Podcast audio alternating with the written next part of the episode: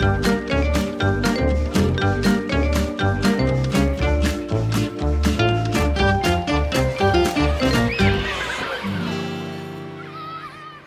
landsmøtet til Utdanningsforbundet i november 2023 ble en ny ledertrio valgt. Ann Mari Milo Lorentzen og Tom Jambak ble valgt til nestledere, og Geir Røsvold, som sitter i studio med meg nå, ble valgt til leder. Velkommen hit, Geir. Hei, og takk skal du ha. Og ikke minst velkommen til deg som lytter på lærerrommet. Jeg heter Arin Gors, og vi har i forkant av denne samtalen spurt kunnskapsministeren, utdanningspolitikere på Stortinget og mange av partene i utdanningssektoren om hva de ville spurt om hvis de sto fast i heisen med deg. Det kommer vi straks tilbake til, men først litt Geir Røsvold-fakta. Du er 55 år og opprinnelig fra Mo i Rana. Du er gift, har tre barn og ett barnebarn, og du bor i Trondheim. Du har jobbet til sammen 18 år som lærer i Bærum, Oslo og Trondheim. De fleste av disse årene som kontaktlærer, og nå har et av barna dine fulgt i dine fotspor og begynt på lærerutdanning selv. Da kan det passe ganske godt med første spørsmål, som er fra Grete Wold, stortingsrepresentant for Sosialistisk Venstreparti i utdannings- og forskningskomiteen. Hvordan skal vi sørge for at flere fremtidige studenter vil velge læreryrket? Jo, først og fremst hei, og takk for invitasjonen til å eh, svare ut en del av de her viktige og gode spørsmålene.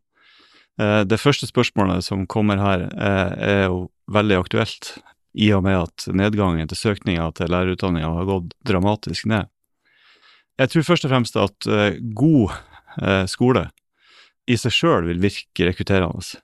Og hvis elevene opplever at lærerne har tid til dem, at skolene er gode bygg å være i og jobbe i, og at man har oppdaterte læremidler og utstyr, og at elevene hører og ser at lærerjobben er så bra som den kan være. Eh, man skal jo lete lenge etter å finne en mer interessant og givende jobb enn lærerjobben, når rammevilkårene er gode. Så eh, jeg tenker at kort sagt så handler det om å gi lærere og elever bedre vilkår for å utvikle skolen sammen. Og det handler i stor grad om å ha rammevilkår for å gjøre den jobben som vi skal løse. Jeg tenker også at det er viktig at uh, vi sørger for at lærerutdanningene oppleves relevant for studentene. At det er god kontakt mellom lærerutdanninga og praksisfeltet. Uh, da tror jeg at mange flere, hvis man får på plass de faktorene her, så tror jeg at mange flere vil velge læreryrket. Én ting er jo det å sørge for at flere studenter går inn i læreryrket, men hvordan får vi flere elever til å stå i hele skoleløpet? Det er nemlig det Abid Raja, medlem av utdannings- og forskningskomiteen fra Venstre, er opptatt av. Han spør, hva mener du er de viktigste tiltakene vi kan gjennomføre for å snu på den bekymringsfulle trenden med økende ufrivillig skolefravær? Jeg tror kanskje at uh, det som, vikt, som, er viktigst, er at man har ei god skole, at man har nok lærere, at man har et uh, lag med ulik kompetanse. Uh, ikke minst det at man har tid til å ivareta den enkelte elev. Og så er det viktig å huske på at årsakene til ufrivillig skolefravær det kan være veldig forskjellig fra person til person. Det kan også være veldig sammensatte årsaker til det her ufrivillige fraværet. Derfor er det viktig at man, ja, at man ikke bare ser det her som et isolert skoleproblem. Eh, vi må sørge for at eh, barn og unge får en god og treffsikker støtte både på skolen, men også ellers i livet. Elever som sliter, må møtes individuelt, og så må man møte dem med en tilnærming som tar hensyn til akkurat deres utfordringer. Jeg har jobba sjøl i, i skole med relativt utfordrende elever. Og jeg vet at hvis man klarer å treffe dem mer individuelt, og klarer å legge opp eh, gode løp, så er det større sjanse for at man klarer å forhindre nettopp det her. Så tenker jeg at det, er viktig at eh, skolen har en plan for hvordan ufrivillig skolefravær skal håndteres, sånn at lærerne kan identifisere utfordringene tidlig, eh, sammen med både eleven og sjøl og foreldrene. Eh, det at norsk skole er en fellesskapsskole, innebærer også at skoler må tilpasse mangfoldet i elevgruppa. Og da må rammevilkårene være til stede. og skolen må ha tilstrekkelige ressurser for å håndtere det her. Så må skolen oppleves trygg for alle. Eh, mobbing må for det første tas på alvor, og det må være mulig å være aktiv på ulike måter. Alle elever må på et eller annet vis klare å oppleve både faglig og sosial mestring. Eh, det er jo sånn at vi alle sammen vil bli sett, og hvis vi blir sett, så er det et mye større sjanse for at vi lykkes. Du nevnte nettopp viktigheten av et godt lag med ulik kompetanse i skolen, og neste spørsmål går litt i den samme leia. Den er fra Mette Nord, leder i Fagforbundet. Cirka 30% av alle som jobber i skolen er ikke lærere. De gjør andre nødvendige oppgaver og er en viktig del av laget rundt eleven. Det er miljøarbeidere, miljøterapeuter, barne- og ungdomsarbeidere, helsesykepleiere, renholdere, vaktmestere og skolesekretærer, for å nevne noen. Vil Utdanningsforbundet innlede et samarbeid for å skape den trygge og helhetlige læringsarenaen skolen skal være for alle, og en god arbeidsplass for alle? Ja, jeg tenker at dette er et veldig viktig spørsmål. Og både som arbeidsplasstillitsvalgt eh, og som leder av Trondheim lokallag og etter hvert eh, Trøndelag fylkeslag, så har jeg opplevd eh, et veldig godt samarbeid med andre arbeidstakerorganisasjoner, eh, også Fagforbundet. Og det vil jeg arbeide for skal fortsette. Eh, godt partssamarbeid på alle arbeidsplasser. Eh, det er nok en stor grad av løsninger for hvordan man skal klare å skape eh, et godt miljø i skoler og barnehager. Og det skal være, et, eh, det skal være en god arbeidsplass for alle som jobber der. På landsmøtet vårt så brukte vi god tid på å diskutere lærerrollen og ikke minst laget rundt eh, barn, unge og voksne i utdanning. Og lærere er veldig tydelige på at laget rundt elevene er helt uvurderlig for at man skal få et godt og helhetlig barnehage- og skolemiljø. Lærere sitt ansvar det er primært å planlegge, lede og vurdere det faglige og pedagogiske arbeidet i barnehagen og skolen. Og hvis man skal klare å få det til å fungere best mulig, så må vi også samarbeide godt for å avklare ansvarsområder, at alle respekterer hverandre sin kompetanse og ansvar. Og så har jeg erfaring med et såkalt uh, eh, utvida partssamarbeid. Um, jeg tror det er et stort uforløst uh, potensial i at man jobber uh, sterkere og bedre med et uh, utvida partssamarbeid på de enkelte enhetene. Det vil være viktig på mange måter. Det vil bl.a. være viktig med, med, tanke på et forebyggende arbeidsmiljøarbeid, og at det bygges kunnskap om hverandre sine roller i arbeidshverdagen. Og arbeidsmiljøet det handler jo først og fremst om de arbeidsoppgavene som man skal løse i hverdagen. Og det å ha god oversikt og kommunikasjon er helt avgjørende for å klare å få det til. Så jeg er helt overbevist om at vi kan styrke hverandre med et tettere samarbeid, men da må arbeidsgiver legge til rette for at organisasjoner er representert, at verneombud, at ledere knyttes med i dette viktige arbeidet. Og det tar tid, og det koster litt der og da, men til sjuende og sist så tror jeg at et sånn type utvida partssamarbeid, det vil være en styrke for arbeidsgiver som en slags utvida ledelsesressurs. Så jeg tror at den innsatsen som man legger ned i et sånn type arbeid, det vil man få mye igjen for. Man vil få bedre arbeidsmiljø, og man vil, man vil få en bedre oversikt over rolle- og oppgavefordelinga i barnehage og skole. Og det tror jeg kan ha gode samtaler med Metenor fremover, og Fagforbundet. Så må jeg jo tilføye at uh, vi i Norge vi har en veldig stolt og viktig tradisjon for at arbeidstakerorganisasjonene samarbeider og støtter hverandre, f.eks. i konflikt, men også ellers i arbeidslivet. Uh, og det må vi fortsette med. For å vende tilbake til deg og din bakgrunn, Geir, du har delvis parallelt med lærerjobben hatt en lang rekke tillitsverv. Første gang var i 1994 i Norsk Lærerlag, som altså er forgjengeren til Utdanningsforbundet, først i Bærum, senere i Oslo. Du har vært arbeidsplasstillitsvalgt i Utdanningsforbundet Trondheim i fire år, så styremedlem, hovedtillitsvalgt og nestleder i samme by. I perioden 2013 til 2019 var du også lokallagsleder der.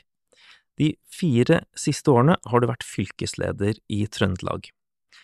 Og kanskje som en naturlig følge av denne bakgrunnen er du mer enn gjennomsnittet opptatt av hvordan frontfaget kan praktiseres bedre, og av verdsetting av offentlig sektor. Derfor får du nå spørsmål fra en av aktørene vi samarbeider mye med, men som vi ofte også er i klinsj med. Tor Arne Gangsø i kommunesektorens organisasjon KS har stilt deg følgende spørsmål. Hvordan kan godt partssamarbeid bidra til en positiv utvikling av skoler og barnehager? Ja, På alle nivåer så er partssamarbeid eh, viktig for eh, barn og elever eh, sitt eh, tilbud, og for, ikke minst for, for god undervisning. For eksempel så er arbeidstidsavtalene for barnehager og skoler, eh, som vi forhandler frem sammen med KS, er, er veldig viktig. Og de kan jo legge til rette for god utdanning og, og, godt pedagogisk arbeid, og ikke minst god ledelse av barnehage og skole. Men de kan også innsnevre mulighetene for et godt uh, lærerarbeid. Tid det er kanskje den aller viktigste faktoren uh, for positiv utvikling av barnehage og skole. Vi vet at barnehagelærerne ikke får tid nok til å lede, det, å lede og planlegge det pedagogiske arbeidet. Og for lærerne i skolen så er tid til kontaktlærerarbeidet en veldig stor utfordring. Eh, vi får også høre at ledere gir tilbakemelding om et voldsomt arbeidspress, med mye rapportering og lite tid til faglig utvikling. Og det skaper utfordringer. Og akkurat det med tid er et kjerneområde. Vi, vi får veldig eh, sterke tilbakemeldinger om at man ikke har tid nok til å gjøre jobben. Og det, og det gjelder i barnehage, og det gjelder i skole, og det gjelder eh, både lærere og ledere. Eh, så er også samarbeidet på institusjonsnivå eh, viktig. Og Her har eh, KS og Utdanningsforbundet en stor utfordring for å få fart på partssamarbeidet i barnehagen. Vi opplever at det er et stort potensial for utvikling av et godt partssamarbeid i den enkelte barnehage. Det er høy organisasjonsgrad i barnehagen, men man sliter med å få, finne tid til å samarbeide. Gjennom bransjeprogram barnehage så har mange barnehager vist at det er mulig dersom man setter av mer tid, og at man prioriterer partssamarbeidet. Eh, vi vet at et utvidet partssamarbeid fungerer, men da er man, man er helt nødt til å prioritere det, og man må sette av tid til det. Eh, og det koster litt ressurser, men, men det kommer til å være verdt det i, i den andre enden. Så jeg tror mye av løsninga eh, for å få til både et godt partssamarbeid og tillit mellom partene, det er eh, tid. At man setter av tid til å gjøre den jobben, og ikke minst eh, så vil det føre til et bedre tillitsforhold mellom eh, arbeidstaker og arbeidsgiver. Men det er klart, tillit det, det krever at man eh, oppgir kontroll, og det gjelder for alle parter. Eh, det å oppgi kontroll er vanskelig, og det krever at alle parter bidrar. Så um, vi har en ganske stor jobb å gjøre, og det er et ganske stort potensial du nevner, du nevner, tillit, og jeg tenker det er en ganske fin overgang til neste spørsmål, for vi, vi står midt i en veldig polarisert tid i verden, men vi merker også dette i stadig større grad i Norge, der vi sliter med å finne fram til samlende ståsteder. Og her kommer et spørsmål med noe av denne tematikken fra Marit Knutsdatter Strand, som er første nestleder i utdannings- og forskningskomiteen fra Senterpartiet. Hun skriver Gratulerer som ny leder av en stor og betydningsfull organisasjon for Skole-Norge. Jeg lurer på hva du vil prioritere å jobbe med for å gjøre skolens samfunnsoppdrag mer tydelig med fokus på sterke fellesskap, der barn og unge både skal dannes og utdannes. Ja, først og fremst eh, takk for gratulasjonen. Det er jo et svært spørsmål, og jeg mener at vi er nødt til å å klare å fylle mer av bredden eh, i samfunnsoppdraget til skolen. Vi vet jo hvor viktig fellesskolen har vært historisk, eh, og noe av det viktigste kjennetegnet er, er likeverdig utdanning. Altså man skal ha like muligheter uansett hvor hen man bor i landet. Og i Hurdalsplattformen så står det jo at regjeringa ønsker å styrke fellesskolen, og det er veldig bra. Men det er ganske mange ting som er, som er bekymringsfulle i den situasjonen som vi står i nå. Eh, hvis man skal klare å styrke fellesskolen, så må man ha lærerutdanna lærere. Eh, vi må ha en opplæringslov der lærerutdanning er et klart kvalifikasjonskrav. Og så må vi møte svikten i søkere til lærerutdanninga og lærermangelen med ei kraftig satsing på å rekruttere, utdanne og beholde lærere. Eh, dessverre ser vi ikke at dette har noe prioritet i statsbudsjettet, og det er egentlig overraskende og skuffende. Eh, så tror jeg at vi må komme oss vekk fra en ensidig oppmerksomhet eh, på det som kan testes og måles i skolen. Det er naivt å tro at noe så komplekst som kunnskap og læring og danning, at det kan måles og sammenlignes gjennom avgrensa tester. Eh, vi ser jo også etter 20 år med utallige testbatterier, så ser vi at eh, elevene sine resultater eh, endres veldig lite. Vi har jo nå nettopp fått et utvalg, altså Prøyts-utvalget, som, som, har forsøkt å skaffe seg en overblikk over prøve- og testtilfanget. De kan ikke se noe vesentlig utvikling av elevenes sine resultater på nasjonale prøver. Så jeg tror at arbeidet med kvalitetsvurderingssystemet blir veldig viktig i akkurat denne sammenhengen. Det systemet som vi har i dag, det legger til rette for resultatstyring, eh, og det snevrer igjen skolens aktivitet inn til noen få målbare kompetanser. På landsmøtet vårt så vedtok vi f.eks. at vi, vi ønsker å avvikle nasjonale prøver. Og jeg tror at det kan være et tiltak i riktig retning. Du, nå har vi snakket ganske mye om skole, men du har jo også et sterkt engasjement for barnehagen. Blant sakene du tidligere har trukket fram, er bedre arbeidsbetingelser for barnehagelærere, slik at de får mulighet til å bruke sin faglighet i barnehagen. Og her kommer et spørsmål fra Einar Olav Larsen, som er leder i Foreldreutvalget for barnehager. Hvordan vil Utdanningsforbundet holde trykket oppe når det gjelder å ha fokus på barnehage og bemanning. Ja, eh, som du sier så har jeg et veldig sterkt engasjement eh, for barnehage. Jeg har et veldig sterkt engasjement for hele utdanningsløpet. Og eh, vi gjør jo en, en, stor jobb i hele organisasjonen med å skolere klubber, lokallag og fylkeslag for å holde dette arbeidet levende. Eh, våre tillitsvalgte vil bruke partssamarbeid, de vil bruke budsjettpåvirkning og annen politisk påvirkning for å få myndighetene til å forstå alvoret i bemanningskrisa i barnehagen. At man ikke forstår og tar, tar det på alvor, det, det syns jeg er veldig alvorlig. Vi er veldig glad for samarbeidet med Foreldreutvalget for barnehager, og det er verdifullt eh, på veldig mange måter når foreldre forteller om hvordan denne situasjonen påvirker dem eh, og deres barn. Eh, så vi må fortsette å bringe de her mange fortellingene ut til offentligheten. Det er et viktig eh, våpen for oss. Og så må vi være tydelige overfor de politiske partiene om at bemanning og kompetanse det er det eneste riktige å prioritere på barnehageområdet akkurat nå. Det blir litt eh, skremt når Høyre og Venstre signaliserer at de vil bruke rundt 7 milliarder på rullerende opptak. Og det er skivebom i den situasjonen som vi står i akkurat nå. Eh, før man i det hele tatt kan tenke den tanken, så må man få bemanning, bemanninga opp i barnehagen. Eh, vi har ei bemanningskrise nå. Vi har ei rekrutteringskrise. Og vi har samtidig et, eh, et mål. Man har et mål i Hurdalsplattformen om å løfte bemanninga vesentlig i barnehagen. Så de burde egentlig ha tatt tak i det mye før man starter med andre ting. Det var en klar bestilling. Vi skal til det andre foreldreutvalget, nemlig Foreldreutvalget for grunnopplæring. Der spør leder Marius Kramer følgende. Hvilke saker ser du for deg at Utdanningsforbundet og Foreldreutvalget for grunnopplæringen bør samarbeide om i årene som kommer? Ja, Det går my mye på det samme. Eh, det å sørge for at, eh, for at alle barn får møte en lærerutdanna lærer i alle fag og i alle timer, eh, det kommer til å være en viktig prioritet det at man skal på en måte nå hele samfunnsoppdraget som man har i skolen, det kan vi også jobbe felles om. Det at, barna, at ungene får, får lærere som har tid til å gjøre jobben som lærer, er også noe som vi kan samarbeide om.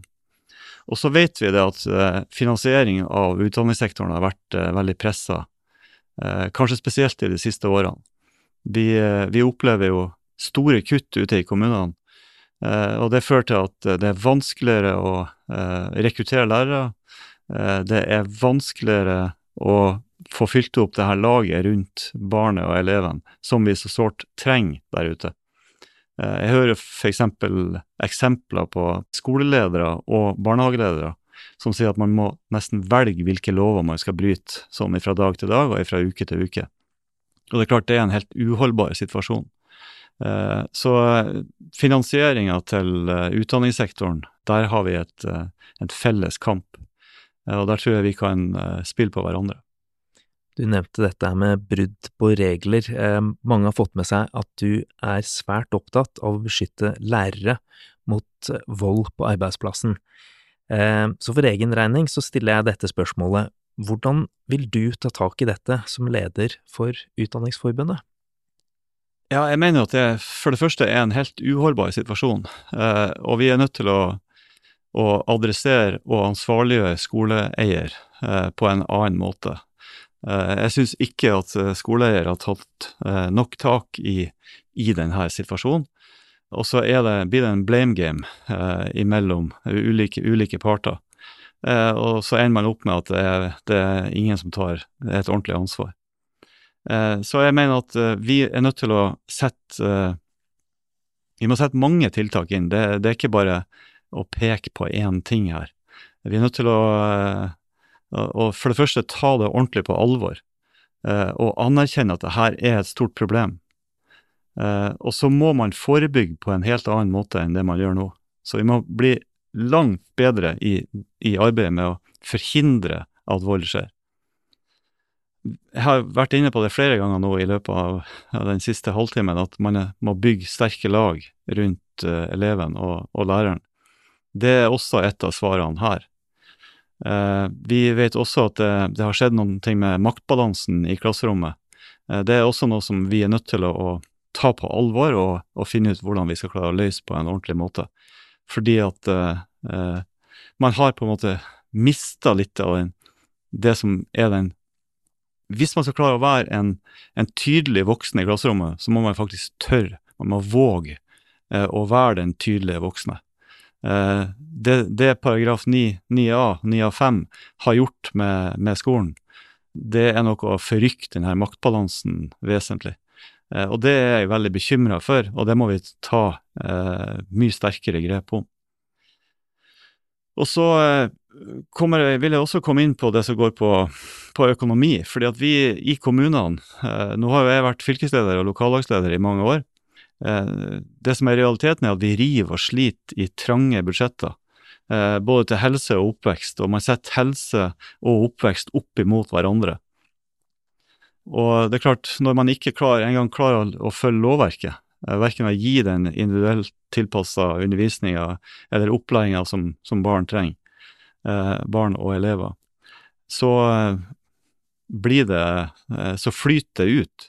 Og jeg tror man er nødt til å, å se mye nøyere på, på hvordan eh, man kan finansiere utdanningssektoren på en, på en, annen måte, at man har andre systemer. Det er veldig tydelige tilbakemeldinger fra kommunene eh, der ute. Så tenker jeg at det er mange tiltak som, som kan skape en, en bedre skolehverdag.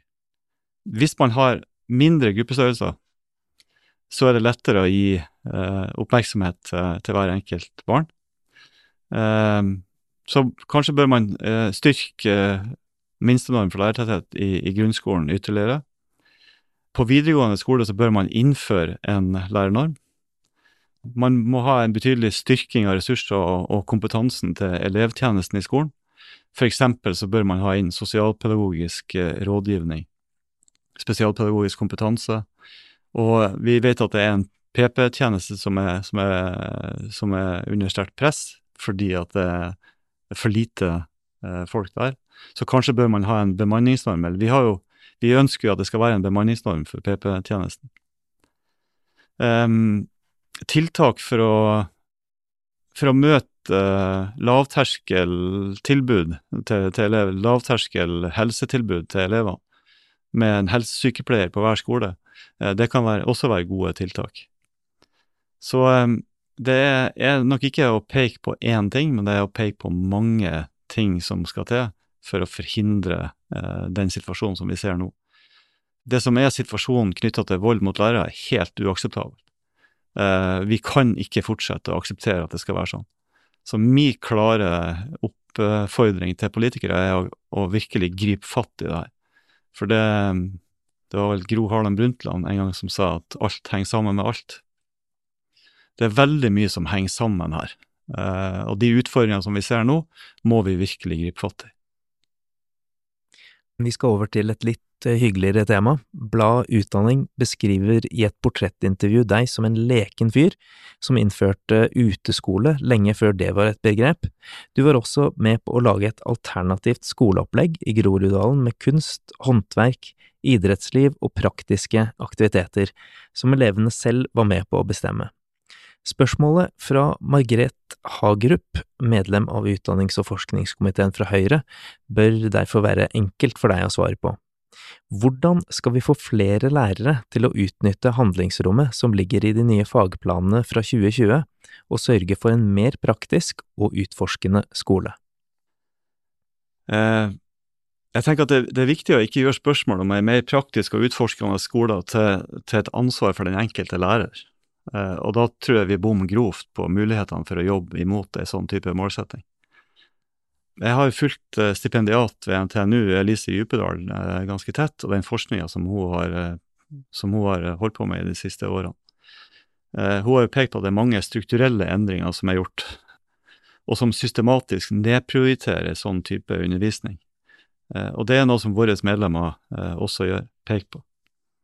Så det, det, som må skje, det er at de praktiske og estetiske fagene må opprioriteres. Det må være tid nok, og da må kanskje noe annet nedprioriteres.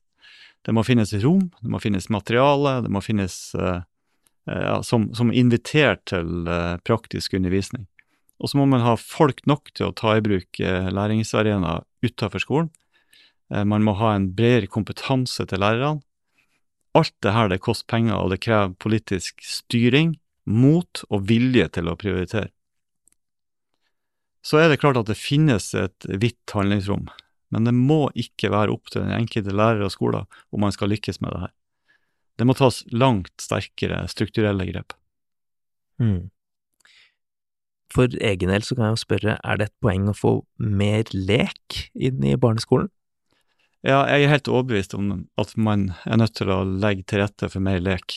Um, Lek er barns foretrukne læringsform, og jeg syns mye av forskninga på, på, akkurat det området her peker nettopp i den retninga. Og jeg syns jo at, uh, at uh, vind blåser kanskje i den retninga nå, at man anerkjenner det. At man er nødt til å bruke flere sanser, at man er nødt til å, uh, til å bruke andre typer aktiviteter jeg tror jo f.eks. at både det med å, å, drive med praktiske aktiviteter og drive med lek gjør en sterkere i de andre fagene. Det her handler også om en helhet. Det handler også om eh, at man skal ha motivasjon gjennom skoleløpet. Det er et langt skoleløp. Og vi vet jo nå at eh, et barn som går på skolen i dag, går nesten to år mer enn en som starta på begynnelsen av 90-tallet. Så det er klart man har mye tid, og det er, vil være mulig å få til mer både praktisk eh, orientert eh, eh, både under, ikke, ikke, ikke, lek som undervisning, men lek i skolen og praktisk eh, undervisning eh, som kan føre til større motivasjon til elevene.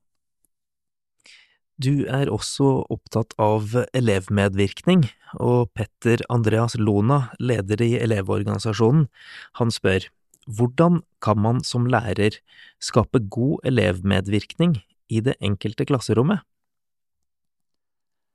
Ja, det her er et kjempeviktig tema, og ja, det tror jeg nok at Utdanningsforbundet og Elevorganisasjonen kan gjerne samarbeide mer om.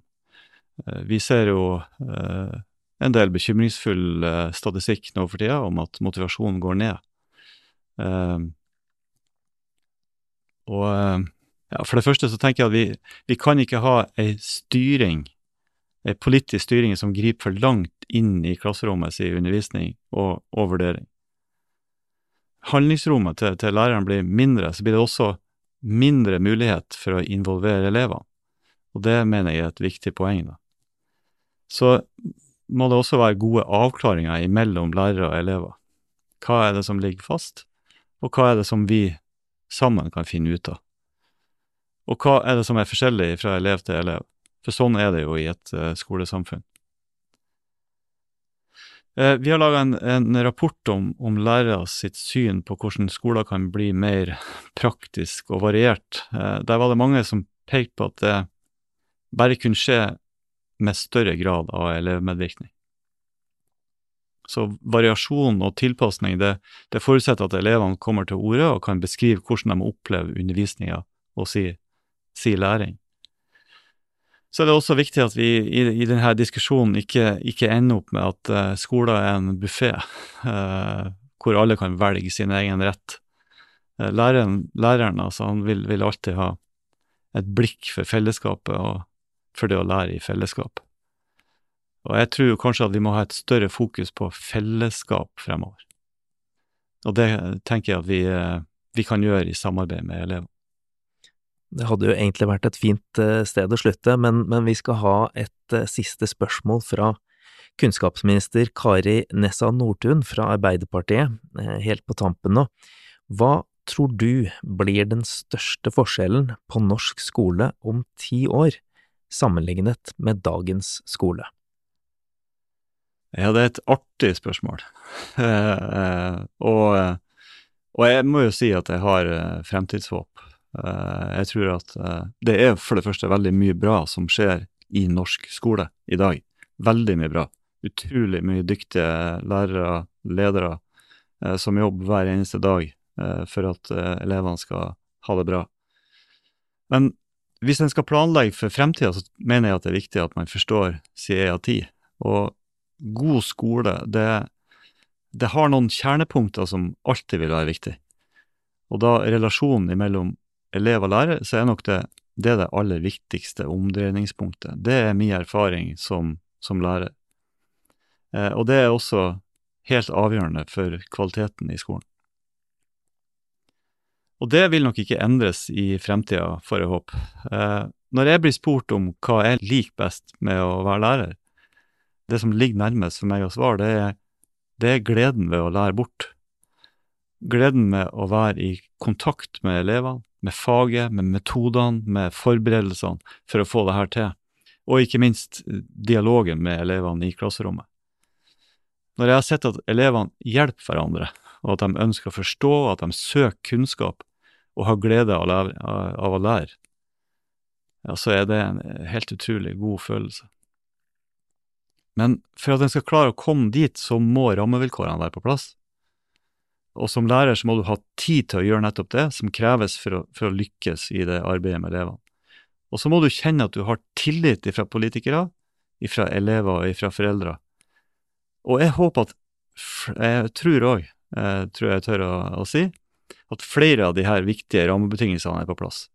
Og så må det faktisk være mulig å være sjefen i klasserommet. Vi er nødt til å gjøre noe med den maktbalansen som har oppstått i, i norske klasserom. Eh, fagene i skolen er viktig, åpenbart. Men i des, de siste eh, årene så har, så har, det vært et politisk flomlys eh, bare på noen grunnleggende ferdigheter, og ikke på selve fagene. Og det her flomlyset det har kasta skygger på andre sider ved utdanning. Så jeg håper at de, de praktisk-estetiske fagene at de er revitalisert om ti år, og Da må det satses på kompetanse, og det må investeres i utstyr innenfor de her fagene. Så, um, så, alt i alt så er jeg optimist. Jeg tror at om ti år så vil denne smale resultatstyringa av skolen være borte. Eh, vi er nå inne i en, i en fase hvor veldig mange ser at vi i skolen og barnehagen må løfte trivsel og lek og tilhørighet og fellesskap, og ikke minst vennskap, eh, opp i den samme divisjonen som den faglige undervisninga. Ikke som et enten-eller, men som et både-og. Det er jo på en måte det her det betyr å ha helhetlig, et helhetlig syn på skolen sitt oppdrag. Eh, jeg håper også at det er kanskje en ja, Det er noe som jeg har prøvd å gjenta i ulike kretser i det siste, men jeg, jeg skulle ønske at begrepene kunnskapsminister og kunnskapsdepartement at de, det har bytta tilbake til utdanningsminister og utdanningsdepartement. Fordi at uh, utdanning er mer enn kunnskap, og språk betyr noe. Og så, sånn helt til slutt så tror jeg at blyanten og boka fortsatt er der. Jeg får i hvert fall håpe det. Og det blir det siste vi rekker å komme innom i denne samtalen. Tusen takk, Geir, for at du tok deg tid til å være her sammen med oss, og en kjempestor takk til deg som lytter til oss. Vi kommer snart tilbake med en ny episode av Lærerrommet med tematikk hentet fra utdanningsfeltet, så følg oss videre, og del gjerne episodene med andre. Ta vare på hverandre, og ha det riktig godt så lenge.